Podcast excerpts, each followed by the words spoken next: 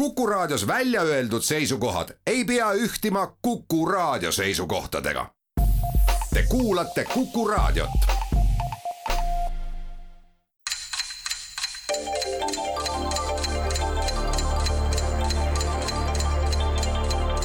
tarkade klubi targemaid küsijaid toetab lisateadmistega Postimehe raamatukirjastus tere taas, Kuku raadio Tarkade klubi tervitab häid kuulajaid kevadkuu teisel laupäeval, kus tõsi küll, üsna kaugel oleme nendest kaunitest hetkedest, millest laulsid Leida Sibul ja Hilda Koni ehk lõokene lõõritas, käidi käsikäes ja ringi haljendas maa. täna lepime veel sellega, et meeleolusid kujundavad teiste seas. Talisport, aknalaudadel hämmastunult põrnitsevad varased paprikad, taimed ja Tallinnas muudkui edasi lükkuv trammidee ehitus Vanasadamasse pärast viiesaatelist kõrvalepõiget, positiivset sekkumist Riigikogu valimistesse ja Kukus raadio sünnipäeva tähistamist on Tarkade klubi Lokomotiiv taas liikunud haruteedelt nendele metallurgiatehaste piklikele toodangutele, kus ka Šoti leiutaja James Watti välja mõeldud aurumasina toel kunagi liikunud ja tänaseks ammugi muud tõukuvad jõud liikumiseks leidnud masinad enamasti oma turvalisi miile mõõdavad. üle mitme aja ja saate on meie stuudios istet võtnud ikka turvalisust sisendavad vanad head tuttavad mängijad, kes teadaolevalt kusagile täna ei kandideeri ja kelle mõttejõul on valminud peaaegu nähtamatuks tegevad kangad, publikatsioonid maailma soode denitrifikatsioonidest ja metanogeneesist, rahvus- ja viguratlased ja arvukad kolumnid ning ajalooraamatute eessõnast muust publitsistikast rääkimata. eks tähelepanelik kuulaja juba aimab, et meie Tartu stuudios on istet võtnud Tartu Ülikooli geograafid, habemetud kaasprofessorid Taavi Pae. tere! ja Jaan Pärn. tervist! Tallinna stuudios aga head kolleegid Postimehe toimetusest, hea erudiit ja teadustoimetaja Marek Strandberg. tervist! ja arvamustoimetaja Erkki Pahovski. tere! tore, et te olete meiega hoolimata võrratutest lumeoludest. tarkade klubi küsijate mõttejõul on täna valminud taas kümme küsimust, mis jaotunud viide teemasse. täna siis Slava Ukraini, ühiskondlikud persoonid, geograafia, sport ja Vaaria. küsijadki on persoonid, kes püsinud Tarkade klubi rongil, kas tamburis või vagunis, sõltuvalt elustiilist, kaua ja turvaliselt. Kivimäe kooli ajaloo ja ühiskonnaõpetuse õpetaja Margus Pillau, kuulaja Inglirannast Enno Sivadi, raadiokuulaja Valeri Küpsis ja Helsingi hõbe Vladimir Suhharjev. alustame ja anname avavaliku õiguse headele tartlastele. Jaan ja Taavi, palun mis me arvame valikust? Slava geograafia. jah, Slava no aga ikka geograafia, võtame ära nende eest, muidu nad vastavad ise ära. väga hea ja see kuulaja küsimus tuleb meile Tenno Sivadilt. Uus-Meremaa sai oma päris vapi tuhande üheksasaja üheteistkümnendal aastal Briti kuninga George Viienda otsusega. senini oli saareriik kasutanud Suurbritannia vappi tuhande üheksasaja viiekümne kuuendal aastal seda päris oma vappi muudeti näiteks pandi vapil kujutatud Maori sõjamehele kätte relv nimega Tajaha, stiliseeriti vapil ka valge naise kujutist, muudeti alumist kirja, kus sõna onward asemele kirjutati New Zealand ja vapilt kaotati ühe looma kuju. küsimegi, millise looma kuju kadus Uus-Meremaa vapilt. üks loom jäi sinna muide alles ja selleks on siis Uus-Meremaa tüüpiline loom lammas. no Jaan, sa oled ju värskelt Uus-Meremaalt tulnud, mis, mis mina olen nagu mulle mõeldud Topping. küsimus, aga, aga ma ei tea selle aususe eest ei saa ju, ausus ei maksa siin, siin midagi. esiteks paneme paika, eks ju, et loomad, et linnud on ka loomad. ma esimesena mõtleks selle. nojah, ei no Uus-Meremaal on imelisi no, aga... li, loomi, nende hulgas linde, aga hoopis äh, siis äh, selline ise, suhteliselt ikkagi iseseisvuv, ise, iseseisvunud riik otsustas äh, ühe nendest hoopis eemaldada, ehk siis nagu nendest omamaistest loomadest ma ei otsiks seda, kuna. sa mõtled kana või? ei, ei, no ma mõtlen neid, no Uus-Meremaa rahvuslind on ju kiivi, aga aga miks seda peaks eemaldama, vastupidi, viiekümne kuuendal aastal, kui ma tege-, muudaks vappi, siis ma paneks sinna peale just kiivi, aga noh. aga kas kiivi ei, ei ole natuke ka pejoratiivne?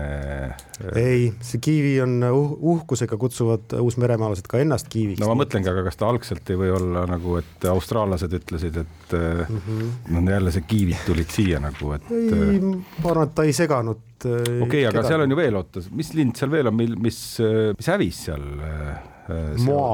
jah, moa no ja, aga jällegi, see on tegelikult sama lugu, et see on ikka väga sihuke uhke, uhke lugu, nagu meie räägime Kalevipojast ja ja mis äh, ime põhjakonnast, siis, siis seal on. nojah, aga et me, et võtaks ära selle, oota, tema saatus on see, et ta, inimesed on suutnud Lihtsalt ta. küttisid ära jah ja. ja., sõid ära no aga mis linde me veel, mina, mul millegipärast mul, aga noh, muidugi ärme loomariik, noh, tähendab päris loomasid ei, ei loomi on ikka, ikka palju, mina mõtleks ikka täpselt vastupidises suunas, et midagi, mis tuli neile no ülekantud tähenduses tuli, võib-olla ei tulnud aga... otseselt, tuli koos Briti võimuga ja see on ju kõik muu on selline, et Briti võimu sümbolite äh, eemaldamine, lammas oli okei okay,, kuna uusmeremaalased ise kasvatasid ka lammast, aga.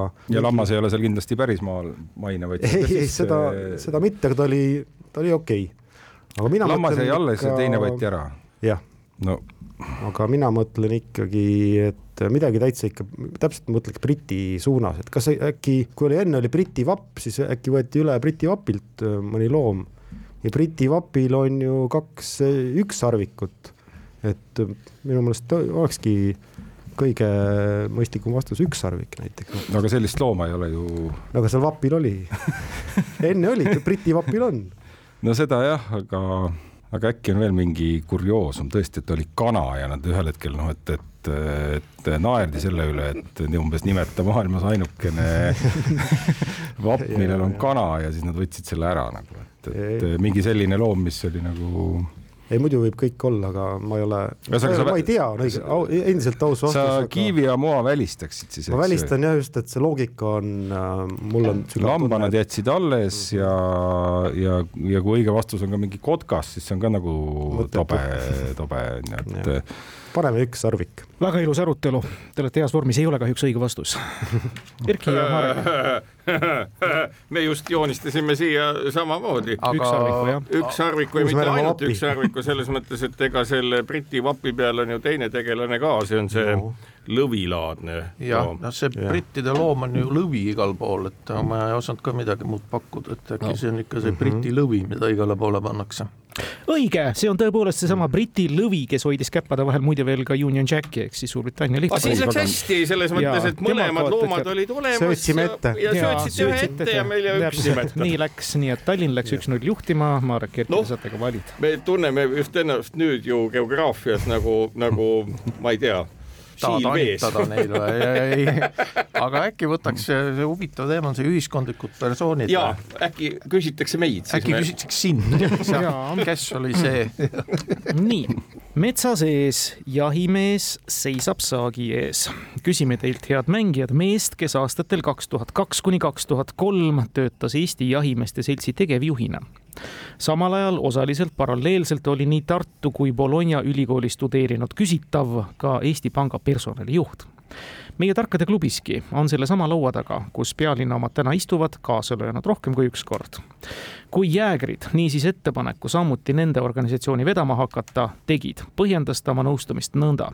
lapsepõlves püüdsid vanemad mulle õpetada, et inimene on looduse osa, mitte isend. sestap tundus pakutav töö põhimõtte järgimiseks väga paljutõotav äsja tsiteeritu on täiesti usutav, sest käesoleva küsimuse kangelase isa muuhulgas mitmekülgne looduse inimene on. noh, sina oled olnud Roheliste juht, paluks nüüd vastust. isa on, mis ülikoolides ta õppinud oli meie poolt küsitav on siis Tartu ja Bologna ülikoolis tudeerinud ah.. peab oskama itaalia keelt. võib osata. ja, ja tol hetkel, kui ta siis tegevjuhina oli Eesti Jahimeeste Seltsis, oli ta ka Eesti Panga personalijuht. Eesti Panga personalijuht. ja ta on ka Tarkade klubis rohkem kui üks kord osalenud. kes on käinud Bologna ülikoolis? Ma tean üht tuttavat äh, head kolleegi, endist kolleegi, kes on õppinud Bolognas, aga see, tema ei ole see. aga tal peab olema isa ja isa on tal, ma tunnen isa ka kusjuures. on ta, on ta mitmekülgne loodusinimene või ei ole? ei, seda vist ei ole jah ma just mõtlen seda, et äh, nojah, võib ju igasugu küsimusi ju küsida. mul nagu ainukene mõte, mis mul pähe tuleb, on see, et aga ma ei tea, kas Indrek Tarand on töötanud äh, Eesti Panga personalijuhina, vist ei ole või? Ma ei tea ausalt öelda, ta oli vahepeal ju jumal teab kus, eks ole, siin on ka üks aasta, eks ole, et ta võib-olla oligi siis, kui ta välisministeeriumist kinga sai, oli, ta proovis kätt äh, Eesti pangajuhina, sellepärast Bolognas on ta õppinud. jah isa on tal noh, ütleme väga loodusinimene. väga loodusinimene. paneme siis. paneme siis Indrek Tarand. hiilgav, see on Indrek Tarand, täpselt nii ja vihjetest piisas, ta ka siin mängus, muide ka presidendikandidaadina kunagi mänginud. ossa pagan, vaata kuulus inimene. kuulus inimene, ühiskondlik persoon, vastab täiesti sinna. aga meid ei küsitud. kahjuks jah, eks me teeme omad järeldused. äkki järgmisel nüüd, nüüd küsitakse. just nüüd võib-olla küsitakse. proovime, Taavi või? jah, proovime, ühiskond meie ju valime jah ja., ühiskond ja kuld-, jah. nüüd küsimuse algus juba reedab, et teid Strandberg on vastus. et teid ei küsita, sest et me läheme Euroopa vaeseimate riikide hulka kuuluvasse ja praegugi akuutsest teravdatud geopoliitilisesse fookuses olevasse Moldovasse, mis on pendeldanud oma ajaloos pidevalt siis Lääne ja Venemaa orientatsiooni vahel. sõltuvalt riigipeast ja valitsusest presidentidega on aeg-ajalt üldse neil kurvad lood olnud. ja kahe tuhande kümnendal aastal sai selle väikeriigi presidendiks Vlad Filat, kes jõudis ametis olla vaid kaks päeva. tema ametisse vannutamise päeva meenutatakse nõnda. ta sõitis kiirendatud tempos autokolonniga läbi Kišinjau kesklinna, teda oodati juba Eminescu teatri peasissekäigu juures Punase vaiba ja sõjaväeorkestriga ning äkki oligi ta arusaamatul kombel kadunud teatri sisemusse. küsimus kõlab, millise hüüdnime panid moldaavlased oma president Filatile. see hüüdnimi on tuttav ka tegelaskujuna Herbert Wellsi loomingust ja filmilinal on seda hüüdnime kehastanud Oliver Jackson Gohan. no Herbert George Wells. just. peaks olema jah, üks tuntud teos, temalt tuleb Nähtamatu mees Taavi, on sul midagi muud? ei, vot nii, nii häid teadmisi minul ei, ei ole. maailmade sõda. jah, et Moldovat ma tean küll ja tema pealinna, selle ma, selle, selle ma, sellega üldiselt selle küsimuse info piirdub minu jaoks, et no. aga nähtamatu, noh, see lugu ju, kui sa, kui sa ja. ütled, kui sul kohe mälumängu kuldreegel on ju, et esimene mõte on õige, et ja selle tõmbad maha ja, ja kui veel Timo ütles, et keegi ei saanud isegi aru, kuidas ta sinna teatrisse sai, teatrisse sai, et ja. siis klapib ju jah ja., nähtamatu mees. peaaegu, punkti saate ära, see on nähtamatu president, kui täpne olla veel no.. Moldaavia või Moldova riigi juhtimine on siis märksa kirjum kui Eesti oma ja neil on jõudnud juba olla siis riigijuhi rollis kümme poliitikut, Maia Sandu on siis kümnes. Filat on siiski olnud kahe kahekordne Moldova valitsusjuht, seda enne ja pärast oma kahepäevast presidentaalsust, aga presidendina jäi ta tõesti nähtamatuks ja tõesti, Oliver Jackson Cohen mängis siis nähtamatut meest, ulmekirjanduse isa Herbert George Wellsi raamatu järgi vändatud õudusfilmis The Invisible Man. punkt peas ja me läheme väga resultatiivselt, kõik kolm küsimust on saanud vastuse.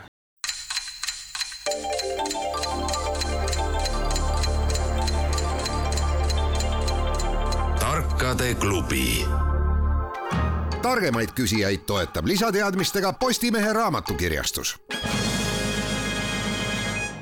Erkki Mark persoonid on otsas. persoonid on otsas, no ma ei tea, võtame siis Slava Ukraini või? sa oled nii tugev selles või? ma no, hakkan ma... juba ära väsima, mul ei ole nagu. ei tohi, ei sõjaväsimus hakkab tulema, ei lase sõjaväsimust peale. Slava Ukraini, tema, muidugi, see on hea, Pahovski teab ma, ma ei tea kõike, aga ma tean kindlasti, suurem tõenäosus on see, et ma tean seda rohkem kui sporti, ütleme nii. just, siis võtame selle ära kas kogemata või meelega, aga käimasolevas Ukraina sõjas on muuhulgas mitmed sümboolsed õnnestumised olnud nimelt need, mis enda maad südilt kaitsvale osapoolele erilist moraalset toetust ning eduefekti tunnetust andnud on no mainigem siinkohal näiteks lipulaevast raketiristleja Moskva uppumist Titanicu põhjamineku aastapäeval või mitmekihiliste semiootiliste viidetega Ussisaare vabastamist suve alguses.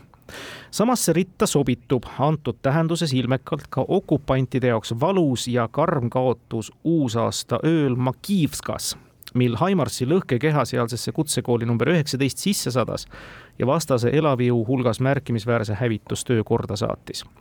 ja sobib ta loetletud ritta sellepärast, et vastav Makiivka purustatud polütehnikum asus tänaval, mis vägagi sümboolset nime kannab nimetus või sõna või mõiste, mida Vene ajalookroonika esimest korda aastal tuhat kolmsada seitseteist kohtab Tveri linna asumigeograafiasse puudutavalt milline nimetus või sõna või mõiste või Makiivka tänava nimi tänapäeval kuuluvad mõned väljapaistvamad küsitavatest UNESCO maailmapärandisse mm.? ma mõtlen, ja see uudis oli küll, seda ma mäletan, et see marss põrutas sinna ja, ja läks päris pahasti, et äh.... aga need tänava nimi, mis on üks, aga need kuuluvad UNESCO pärandisse.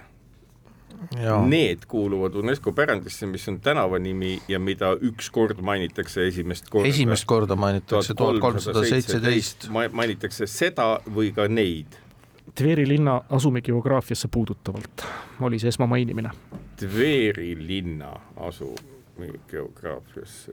praegu mingit kandvat ideed ei ole, mul tuli esimesena mõte pähe, et see on Leetopis, Leetopis oli varem, et see ei saa olla ja see peab olema nagu, ma arvan, et see peaks olema ikkagi sümboolsem tähendus. see peaks olema sümboolsem tähendus, et ei pea nagu oma aju krussi keerama, et see sümbol, ma saan aru, on üsna vahetu. no mõtleme nüüd rahulikult, eks ole, tuhat kolmsada seitseteist, siis oli juba Mongoli ikke peal Kiiev ja, ja teised suuremad Vene linnad olid vallutatud, vot Veeri puhul ma ei ole kindel, aga, aga noh, see ikke oli, eks ole, see võib olla seotud kuidagi mongolite ikkega. no aga kas keegi paneb äh, kutsekool äh, na ulitse Tšingiskana, vaevalt.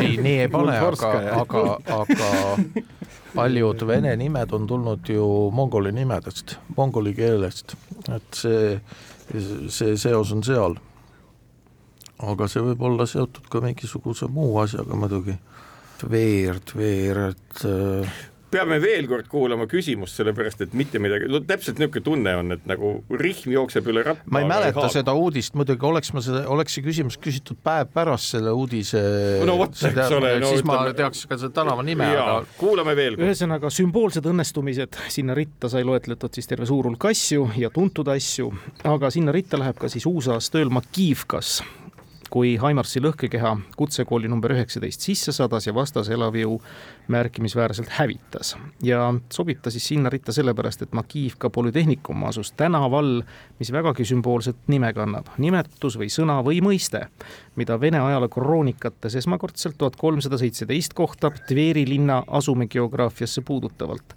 milline nimetus, milline sõna või milline mõiste või Makivka tänava nimi. tänapäeval kuuluvad mõned väljapaistvamad küsitavatest UNESCO maailmapärandisse. jaa äh mis, mis, ma mõtlen praegu just seda, et äh, mis, äh, oot-oot-oot, järelikult nendel, see peab olema mingi noh, linnad, eks ole. See peab olema seotud kuidagi äh, kas on, kuida-, kuidas neid lindu nimetatakse, mis kuuluvad mingisse, mingisse nii-öelda ringi?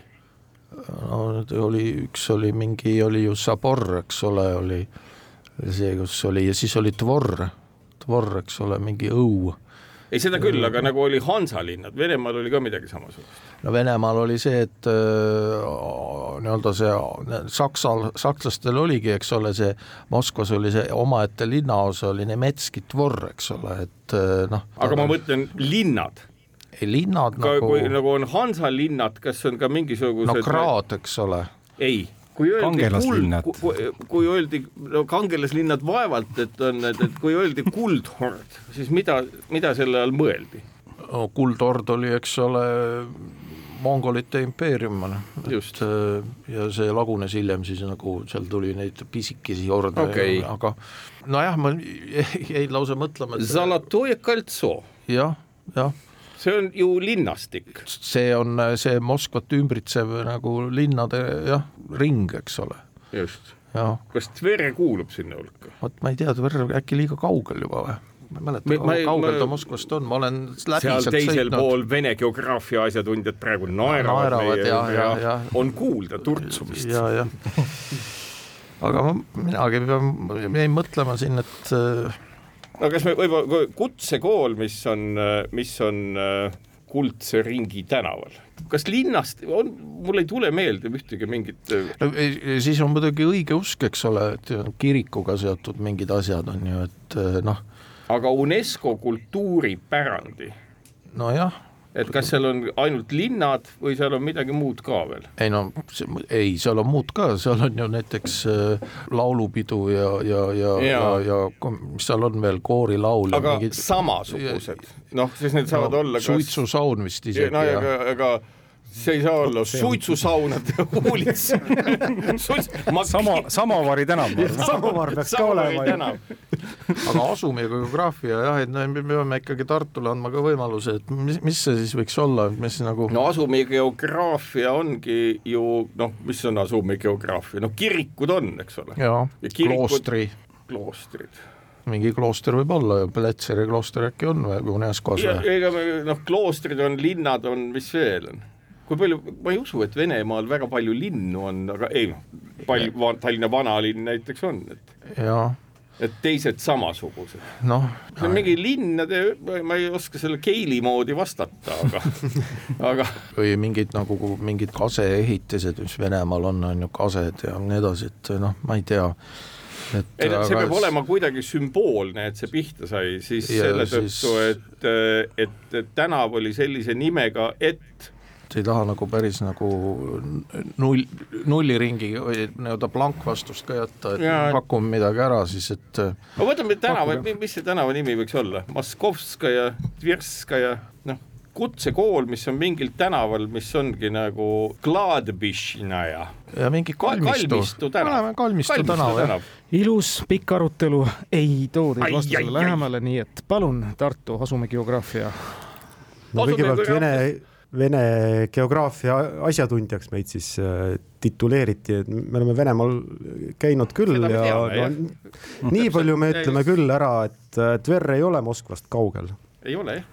aga Taavil oli ka üks täpsem mõte. ega, ega me ei tea, aga ma kogu aeg hirmuga mõtlesin, kuna te selleni jõuate, aga äkki ikkagi selline tähtis sõna nagu Kreml. õige, Kremli tänav, ukrainapäraselt Vlitsia Kremlivskaja täpselt nii, venepäraselt siis Kremljovskaja ulitsa. Kremlid on siis keskaegsed vene kindlustatud müüriga ümbritsetud linnasüdamed. juures. peatselt, peatne kalmitsu. aga mis need UNESCO-s on seal siis, Moskva Kreml ilmselt, aga Novgorodi no ma pakun, et seesama Tverrigi oma näiteks. üsna paljud vist on ka. Astrahhanid ja väga paljud. no vot nüüd hakkasid, no kus sa enne olid? kus sa enne olid? kaks, kaks pärast nelja küsimust meil meil läheb päris hästi, sõbrad Tartust, valige. rasked küsimused seisavad ees, aga meil, võtame praegu ikka kergeid. geograafia ikkagi. Valeri Küpsis küsib see geograafia küsimus viib meid esmalt bioloogiasse, täpsemalt ornitoloogiasse. kevad ei ole enam mägede taga ja peagi näeme tõeliste kevadkuulutajatena, et mitte öelda kevadnuhtlustena meie põldudel tuhandeid rabahanesid. ja nüüd jõuame geograafiasse. rabahanel on kaks alamliiki mida mitteornitoloogidel on üksteisest väga raske eristada. mõlemad alamliigid kannavad erineva bioomi nimetust. Milliste bioomide nimetusi kannavad rabahanede alamliigid? tuleb tunnistada, et ka mittegeograafidel on raske neid bioome omavahel eristada, ehkki seda on maateaduses õpetatud juba algklassides. no mina alustaks kohe sellega, et kui Tartu Ülikooli geograafia osakonnas keegi üldse bioomidest midagi teab täpselt, siis see on Jaan Pärn, aga, aga edasi ma annaks äh, sõna no, bioomid, bioomid äh, on siis äh, sellised ümber kogu maakera. no sa, savanni, savanni rabahani, ma arvan, ei ole õige. savann ja hea näide. savann ja mullivann, minu tase. aga no üks, no üks bioom on näiteks tundra noh, üks on ka.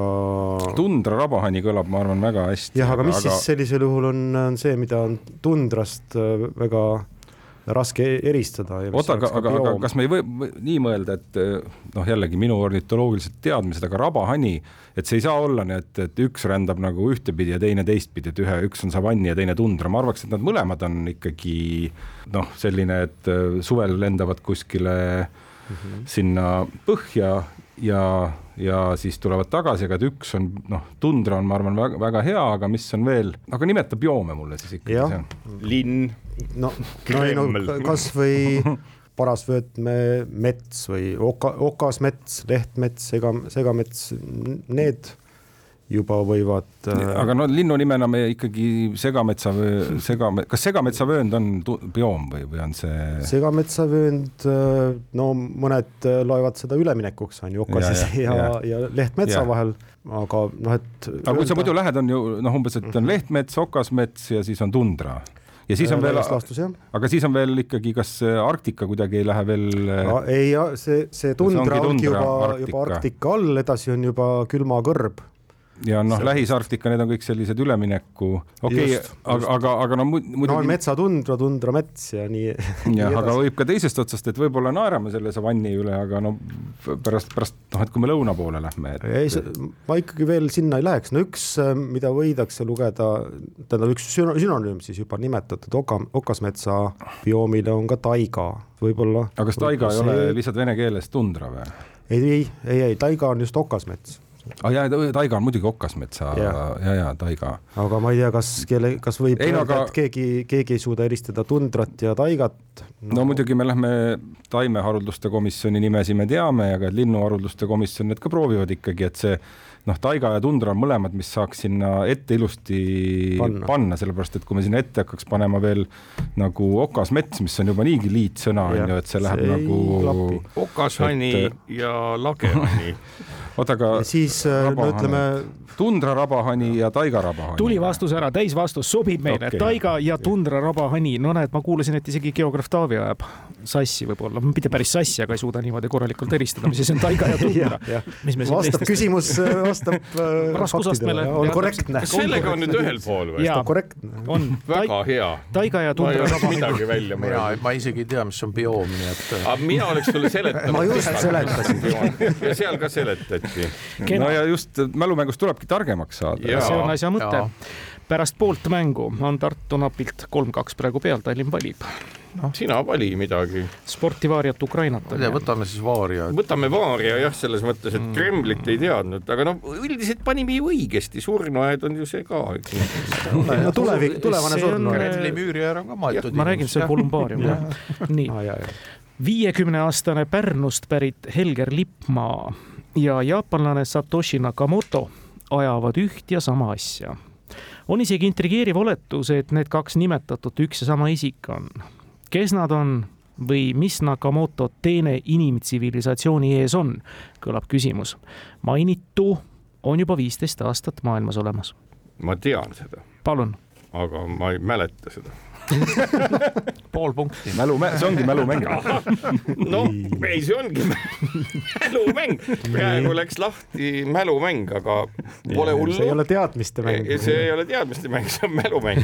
ja, ja. viisteist aastat, mis see siis arvu on? see on, äh, tegelikult see on äh,, Lippmaa tegeleb äh, Lippmaa tegeleb, Helger Lippmaa tegeleb infotehnoloogiaga ja peenemalt tegelikult kogu krüptonduse ja siis ka krüptorahaga ja ta tegeleb nii-öelda selle plokiahelaga. ja Satoshi, mis siin, Nakamoto on, ma arvan, väljamõeldud inimene, kes publitseeris äh, esmalt kogu selle plokiahela ja Bitcoini ideoloogia ja on siiamaani saladuseks ja küsitakse, kas Helger Lippmaa ongi Satoshi Nakamoto. hiilgav täisvastus ja mälumäng läks nüüd tõesti päriselt ka käima, see on mõeldud ikka nende poolt, see küsimus teile, kes te nimetate teinekord küsimusi liiga krüptilisteks, nii et väga õige, krüptograafid on tegemist. Satoshi Nakamoto lõi siis aastal kaks tuhat kaheksa Bitcoini, Satoshi Nakamoto arvatakse kas siis ühe isiku või isikute rühma varjunimi olevat, Lippmaa ise on vastavat seost eitanud. viigiseis kolm-kolm, Tartu valib sama valik, Ukraina sport või Varia. ma teadsin, et ma tean. sport, mina teadsin ka, et sa tead. sporti, sporti tahaks. see on nüüd võib-olla, et sihuke friigikate laadi kuuluv küsimus, aga äkki teate, nimetage sportlane, kes Eesti NSV-st oma ala Nõukogude Liidu koondisesse pääsenuna ühtedel olümpiamängudel olümpiamedalistiks, kuid siis veel mitte esikohale tulnud on.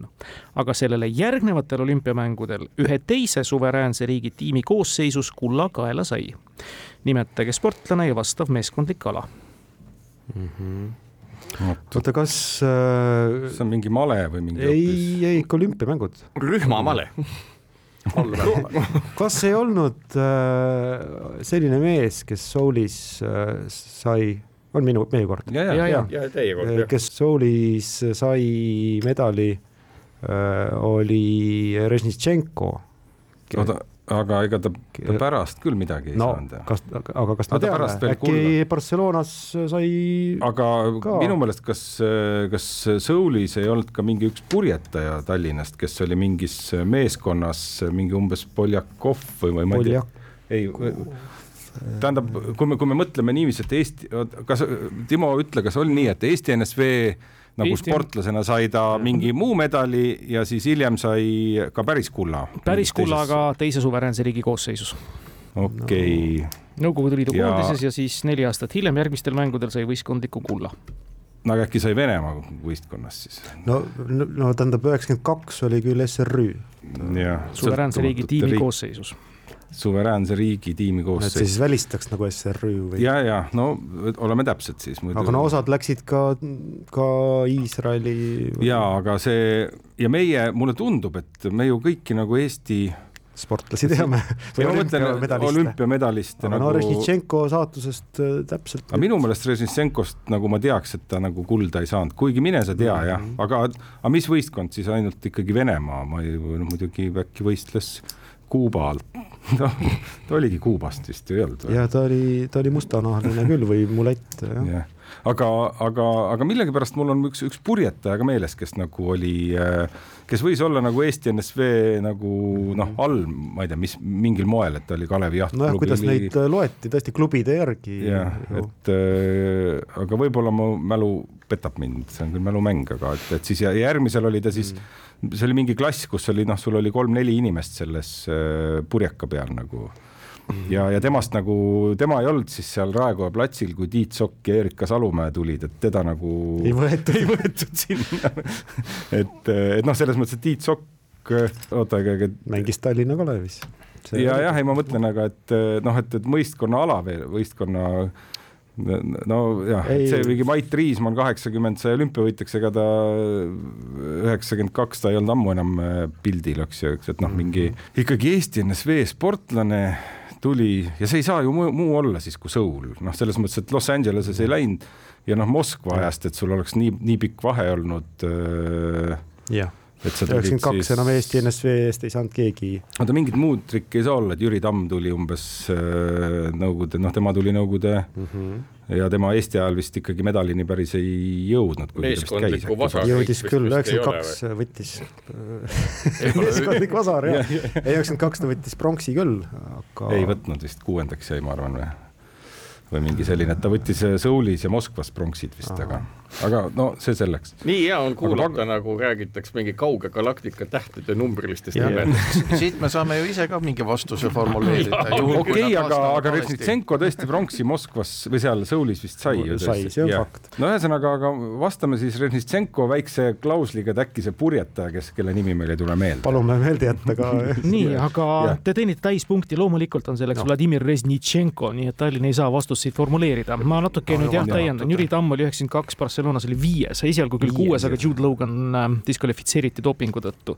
ja väga hästi mäletad, Taavi, kaheksakümmend oli küll see lugu, kui äh, Vladimir Poljakov äh, Tornado meeskonna liikmena, see oli küll Moskvas kaheksakümmend, võitis pronksmedali okay,. muide, ta on no. siiamaani ja minu teada on ta Eesti kodanik.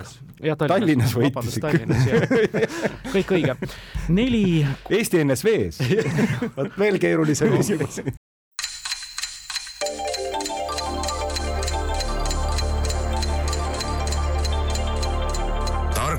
klubi. targemaid küsijaid toetab lisateadmistega Postimehe raamatukirjastus. neli Tartu, kolm Tallinn, jätkame ja meil on ikka valikus sportivaariat Ukrainat no kuule, Vaari läks eelmine kord hästi. ja läks hästi, teine vaari, küsimus on sama lihtsalt nagu. ja muidugi, tuleval laupäeval, kaheksateistkümnendal märtsil möödub täpselt pool sajandit, kui Stockholmis paguluses suri väärikas vanuses Johannes Aavik kirjamees ja tõlkija, eelkõige aga keeleteadlane ning eesti keele üks väljapaistvamaid uuendajaid. Sealhulgas paljude nüüdses eesti keeles aktiivset kasutamist leidvate omaaegsete uudissõnade autor.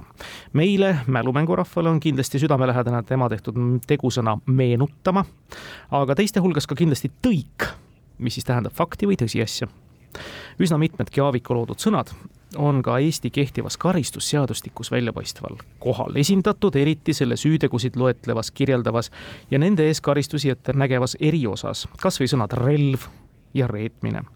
aga eriosa paragrahv sada kolmteist ja paragrahv sada neliteist käsitlevad kahte süütegu, millest üks traditsiooniline eesti sõna on, teine aga aaviku selle asemel pakutu.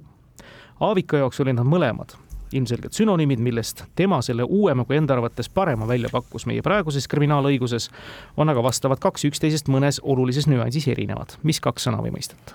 no kui relv, siis järelikult nagu ka mõrv ja, ja tapmine ei, mõrv ja roim, ma arvan. ei, kõik õige, tapmine ja mõrv, tapmine paragrahv sada kolmteist, mõrv sada neliteist, mõrv on siis karistusseadustikus sisuliselt tapmine raskendavatel asjaoludel. vot nii. ja kui tahate asja veel täiendada, siis Aaviku loodud on ka näiteks sõna laip, kui need kaks asja aga, aga roim ei ole siis tema? roim on kuritegu, on küll Aaviku. on küll Aaviku sõna, aga tapmine ja mõrv on siis meie poolt antud õige vastus. ma oleks mööda, kui ma oleks mõtlema hakanud, oleks ma nagu. oleks mööda pannud. ärge mõelge. see oli praegu hea. ja see oli väga hea, et sa katkestasid. ma tahaks, Timo, ma tahaks korra eelmise küsimuse juurde tagasi tulla, ma jäin painama, et mis riigi all Režnitšenko sai selle Saksamaa, vabandust, see ütlemata, Saksamaa, ta emigreerus Saksamaale või läks ja Saksamaa meeskonna koosseisus sai ta tõesti kuldmedali üheksakümmend kaks Barcelonas. Režnitšenko, nagu te väga hästi mäletate, oli tõesti kuubalasest isa ja venelannast ema poeg, kes resideerus millegipärast Eesti NSV-s. nii, neli Tallinn, neli Tartu, kaks küsimust on lõpuni minna, Ukrainat ja üks sportki on pakkuda. võtke sport, võtke sport, me ei tea sellest mitte midagi, palun, palun, palun. jätame ikka spordivastastele, Ukraina. seda ma arvasin, seda ma arvasin. Ukraina lahinguid Ukraina pinnal on enne mullust ja tänavust peetud muidugi varemgi. üks ohvrite rohkemaid ja tervet sõja kulgu otsustanud lahinguid toimus Ukraina pinnal Põhjasõjas kaheksandal juulil tuhat seitsesada üheksa tolle aasta maikuuks olid võimsad Rootsi väed jõudnud Vorskla jõe kaldal asuva kindluseni, mille ümber piirasid. juuni alguseks jõudsid lähedale ka Peeter Esimese juhitud Vene väed. juulis puhkenud lahingus läksid rootslased kahekümne tuhande mehe ja nelja suurtükiga rünnakule, kuid Vene väed lõid nad tagasi ja sundisid ka lõpuks kapituleeruma. Rootsi kuningas Karl kaheteistkümnes sai võimaluse põgeneda Osmanite riiki tolle lahinguga niisiis murti rootslaste sõjaline võimekus ja algas nende võetud alade tagasivallutamine. milline lahing millise Ukraina tänase linna juures. Need kannavad ühte sama nime. küsitav linn on täna Ukraina oblasti keskus, kus elab hinnanguliselt kakssada viiskümmend tuhat inimest no te ei oskagi. ei, kas see on meil, meile või? jaa, see on teile. meie valisime Slava Ukraini ja nüüd. no see ikkagi on ju vähemalt Poltava peaks olema. no välk vastus sisuliselt, tõepoolest, see on Poltava lahing, mis siis üsna palju otsustas ka. teeme nii, et spordiküsimuse vastus on ka Poltava ja me, me just siin kunagi tegelikult Jaaniga seda asja vaatasime läbi ja meil tekkis tunne, et Rootsi on üks vähemalt siin lähikonnas üks vähestest riikidest, et kes on kunagi saanud ikkagi sõjaliselt nii haiget, et pärast seda on sajandeid mõtlenud, et ma enam ei kiusa kedagi. üks, üks ana analoog Venemaa tulevikule võiks küll Rootsi olla. Rootsi tee Tartu viis punkti ja Tallinn saab võimaluse kindlasti läbi spordi nüüd ka viigistada no,. Tenno Siladi küsib. see olümpiamängude kavva kuuluv ala on üks vanimaid, millega on tegeletud juba üle kahekümne viie tuhande aasta, nagu on kinnitanud meile leitud koopamaalingud võistlusmänguna on sellest spordialast kirjutanud ka näiteks Homeras oma Iliases, seda siis Patroklose auks peetuna tema matustel. vahepeal kaotas see ala oluliselt oma populaarsusest, kuid tänu Briti suurima linnumaja ehitanud Ashton Leaveri pingutustele sai võimalikuks selle ala uus populaarsuse tõus. see ala meeldis ka naistele. tuhande kaheksasaja kahekümne üheksandal aastal ilmunud Noorte daamide käsiraamatus on kirjutatud, et üks tegevus selle ala juures on erakordselt elegantne. millise olümpialaga on tegemist ja ka eestlased on korduvalt olümpiamängudel sel alal osalenud. kakskümmend viis tuhat aastat tagasi. tagasi juba tehti see, no lasti vibu, visati oda. see on sportmäng. aga ei ole. sportmänguna on seda kirjutanud Homeras oma Iliases sportmängud, odade vise, vibude laskmine vaevalt et Teil on Homeros lugemata kõik. meil on absoluutselt. Homeros loetud, aga ei mäleta seda kohta. see on, see on nüüd see, kus me, me ei sobi mälumängu mängima, me ei mäleta midagi. aga. ma aitan teid, see ei ole sportmäng, lihtsalt teda võib Homeroses nii-öelda on teda kirjeldatud sportmänguna. kas ta on ma just mõtlen seda, et kas see on mingi asi, mis on praegusel hetkel ka olümpiamängudega? ja, ja on, on jah, ju see siis peab olema mingi seotud kas ratsutamine või mingi niisugune asi või mingi sõjapidamine seotud, eks ole, vehklemine, piibu laskmine on jah. no see ei ole meeskondlik. ei no see, ei vibu laskmine on vist meeskondlik ka. on vibu laskmine. ja mehklemine on ka meeskondlik on, ja naiskondlik kakskümmend viis tuhat aastat tagasi no. ilmselt vibu..., ilmselt on see kujutatud kuskil koopajoonistel. no noh. oli olemas vibu, vaieldamatult. vibu oli olemas, siis oli olemas äh, mingisugused mõõgad, ehkki siis oli veel siis ei olnud isegi pronksi aega. ei olnud pronksi aega jah, see, see noh, mingisugused kirved, mingid siuksed asjad olid olemas, aga. ma mõtlen, kas mingisugust sulgpall on olümpiaala? on, aga noh, sulgpalli eeldus on ikkagi nagu suled, eks ole ju, mingi sihuke no kakskümmend viis aastat, tuhat aastat tagasi oli linde olemas. jaa, linnumaja jah. linnumaja, see nagu haakub, suurima linnumaja tegija tegi sulgpalli ja noh, ütleme tennis võib-olla ei ole nii elegantne, noh ikka natuke on, tennis on Hoomerus nagu... kinni, kirjeldab tennist, see ei tundu ei, ma aga Hoomerus, kas ta aga troojalased ja ateenlased pidasid kõigepealt ühe tennisematši. Mängisid kannelt ja, nagu. lembitu. Odüsseus tagasiteel koju mängis natuke ka tennist. ei noh, tennist mitte, aga no kujutame ette, noh, sulg, linnumaja tegija, noh, mis linnusulgedest veel teha saab, suurima linnumaja tegija, et elegantne, eriti naistele, no sulgpall on natuke elegantsem no, kui tennis, nagu, see on nagu, nagu aeglane aga mis ajast on olemas sulgpall või noh, et nagu mida võiks kirjeldada noortele naistele jah, sulgpall elegantne, mis siis veel võiks olla, et äh, eestlased on osa võtnud küll jah, äh, on küll jah olümpiamängudel. oota ho, ho, Homerus kirjeldab seda kui spordiala või lihtsalt kirjeldab no.? Homerus kirjeldab teda kui võistlusmängu, mida, mida, mida peeti Patrokluse auks tema matustel. Patroklos, jaa, ma mõtlen. Patrokluse auks tema, noh, oleks kohe öelnud. Ja,. jah, aga, aga mis mäng see olla võib, noh, et nagu, nagu see ei saa olla ju mingisugune, miks peaks matustel mängima sulgpalli? See kostuks küll ei no ja miks peaks matustel üldse midagi mängima, aga noh, siis oli mingid, seal olid ju mingid rituaalid ja nii edasi, et et see, see matus, mis meil on kristlik matus, siis ei olnud üldse sellist kombestikku, et mis see, mis see olla võiks, ma ei kujutagi ette. no ma mõtlen ikka, et kakskümmend viis tuhat, see ei saa olla ju midagi väga keerulist, noh see ei saa olla midagi tagasi, keerulist no,. püüti linde. ai, vibu, noh, selles mõttes, no seal on ju ka suled, eks ole. jaa, seal on suled, jah. kas me kujutame ette, et vibu, noh, see on ka ju nagu ele-, mida mat-, matustel lastakse vibu? no vanasti, või noh, mitte vanasti, vaid praegu lastakse ju mingitel matustel lastakse püssist ju. Et äh, aupauke, et võib-olla siis lasti vibust. nooli kaugele, kõrgele. no ei no, ei no selles mõttes, et lastakse, vaata on ju küll filmides on ju nähtud, et et äh, see lahkunu pannakse mingisse paati, on ju, ja siis äh, aetakse see paat mere peale ja siis lastakse vibudega see põlema, põlema no ma arvan, et see on see on piisavalt väärikas vastus. piisavalt väärikas, vibu laskmine. piisavalt väärikas ja õige. noh, näed. loomulikult, mäng lõpeb väärika, vastasite spordi ära, vibu toob viigi majja viis-viis, kõik küsimused said vastatud, haruldaselt hea mäng täna ja era erakordselt hea tuju teiega. kallid geograafid Jaan ja Taavi ja Marek ja Erki siin Tartus, meil on nüüd teha veel üks valik teie arvates täna kuuldutest parim küsimus? kõik no minu jaoks, mida mina kõige rohkem õppisin, see on küll ka minust kõige kaugem teema, aga tõesti see krüptoraha ja Bitcoin mulle meeldis see Kremli küsimus, mulle Kremli see küsimus oli väga, väga loogiline. see oli nii lihtne ju. no vot, teie jaoks on see lihtne. aga, aga, aga Stratbergi no, jaoks on lihtne krüptoraha, noh. nii et krüpto ja Kreml, kes neid suudaks ja. lahutada, jäävad täna siis ka kimbus kokku panduna siis Margus Pillau loominguna tänast saadet tehtima. aitäh, Marek, aitäh, Erki, aitäh, Taavi ja aitäh, Jaan, taas kuulmisteni hoolega hoitud auhinnad toob kohale Smartpost Itella lõpetame saate nagu ikka kuulajamänguga. eelmisel laupäeval lõpetas saate küsimus, kus tahtsime teada Prantsusmaa maadevastaja Laperussi kohta, kes seilas Vaikses ookeanis kümmekond aastat pärast nende vete esmaavastaja James Cooki ja täpsustas päris olulisel määral oma eelkäija avastuste koordinaate ja tegi ka mõnede Cooki avastuste juures veel midagi väga olulist ning maailma kartograafiat mõjutavat.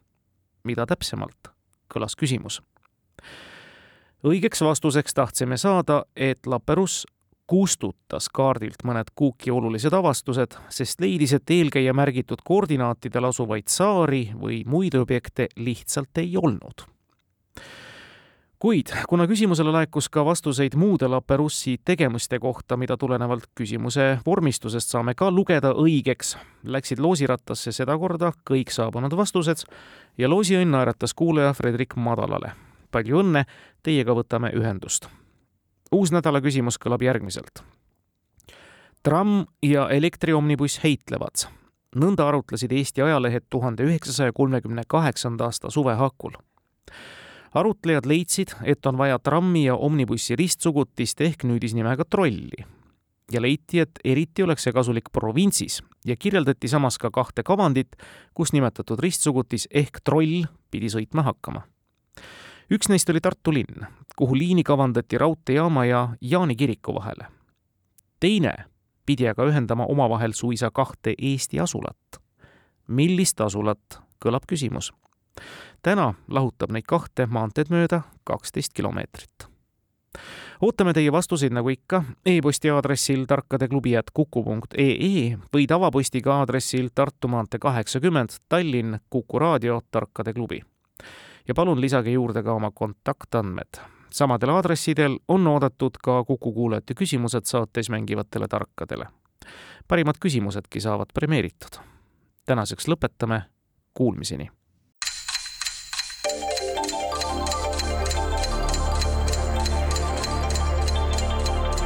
tarkade klubi.